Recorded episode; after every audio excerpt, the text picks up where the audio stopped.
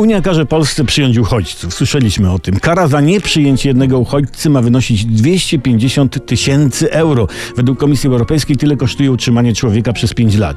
Wychodzi jakieś 17,5 tysiąca na miesiąc. I, I jak tu spojrzeć w oczy emerytom?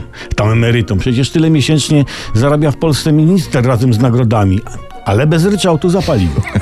Poza tym Unia nie ma chyba rozeznania w kwestii uchodźców w Polsce, bo przyjmowanie w naszym kraju uchodźców islamskich to jest robota głupiego. Bo dajmy na to, wpuścimy ich do Polski, nie? To ani się nie obejrzymy, a już sprują do Niemiec. Średni przewidywalny czas pobytu islamskiego uchodźcy w Polsce, zakładając, że w ogóle jakikolwiek zechce się do nas pofatygować, wynosi średnio jakieś 7,5 minuty. Tyle wystarczy, żeby pokręcić się przy granicy ich lub do Odry i do Niemiec.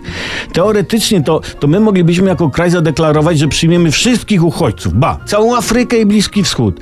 I wyszłoby na to samo, jakbyśmy w ogóle odmówili ich przyjęcia, bo powiedzieć, że pobyt w naszym kraju nie wzbudza wśród uchodźców islamskich nadmiernego entuzjazmu, to, to nic nie powiedzieć. Nic.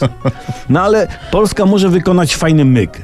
Wyrzucamy z kraju emerytów i przyjmujemy ich później jako uchodźców. To same plusy. Nie rozrabia taki, nie molestuje, w zasadzie jest zasymilowany. Chociaż jak emeryt będzie miał 17 tysięcy miesięcznie, no to nie wiem, czy nie będzie rozrabiał. Ja bym rozrabiał, nie? Stać by mnie było na najlepsze tabletki w mieście.